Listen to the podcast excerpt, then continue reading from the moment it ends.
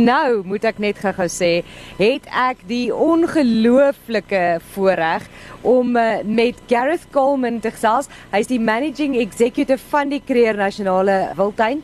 Ek wil net sê, uh, Gareth, uh, you're the big chief, am I correct?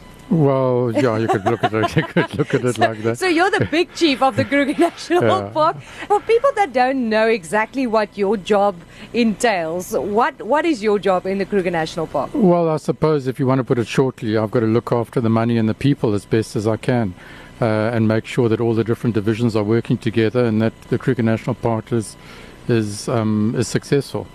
I'm also the kind of first or the last line of of of, of defence, if you like, from customers when they're not particularly happy. So you are the guy that we end up with if we're not happy. But I cannot imagine that anybody can be unhappy coming here. I have to say it is unbelievable. Thank you very much that we can join you guys here and in Skukuza. Quickly tell me, the Kruger National Park obviously is uh, is run by SANParks, but uh, people uh, during people couldn't travel, people couldn't come here. How did this affect the park?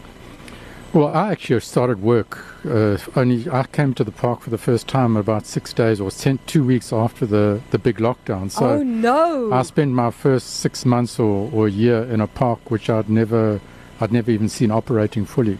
Um, so it was it was a wonderful experience for me on one hand because I was able to witness this this wonderful destination without people here and I could kind of catch my breath and see how it worked. But yeah, there weren't many people around to be frank with you, and it obviously hit us financially because we rely on on tourists' uh, revenue in order to keep the park going and to keep conservation going and to upgrade our facilities. So, like every other tourism establishment, we were hit. And I think people always think about the Kruger National Park as a holiday destination, obviously, because we like coming here and watching the animals. But like you said, it is about conservation. And as a World Environment Day is coming up, can you give me an outline of what do you think? eh, Because we talk about the anti-poaching a lot, and I, and it is necessary to have that in the spotlight. But there are other things that has to be looked after as well. So, what is the Kruger National Park's job? In the sense of uh, environmental issues?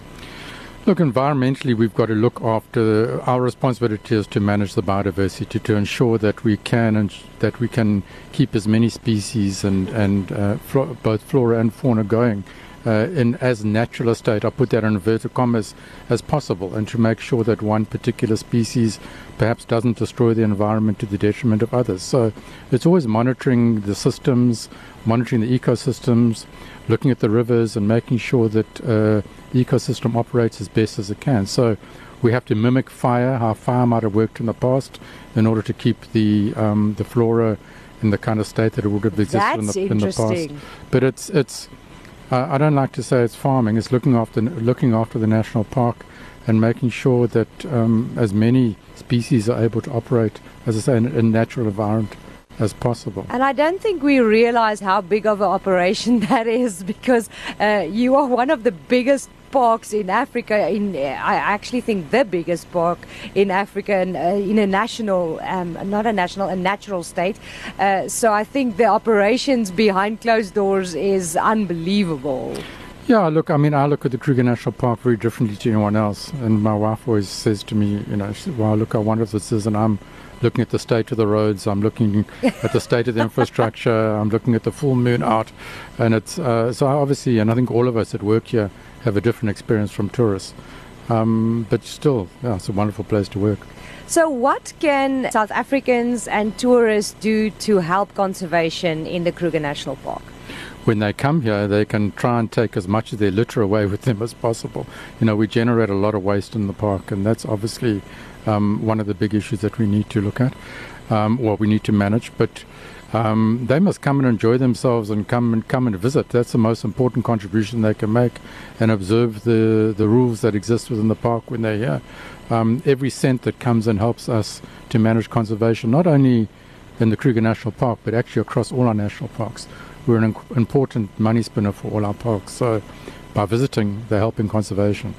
That is is something that's nice. So you can come on holiday and then you can say you're keeping your conscience clean because you're helping conservation. Absolutely. and then obviously take your take your litter with you. Yes. Don't don't leave it here. Gareth, thank you very much for the opportunity to be able to come here to broadcast from this beautiful location. Thank you for the hard work you and your personnel put into keeping this really a treasure for our country. We appreciate it. Yeah, you're absolutely welcome, and thanks for coming here as well. Okay, uh, baie baie uh, dankie aan uh, Gareth en die werk wat hulle hier doen is ongelooflik en daar het jy dit nou. Jy kan kom kuier en dit is hoe jy kan help met conservation. Kom na die Kruger Nasionale Wildtuin of enige sanpark park en dan kan jy weet dat jy ook help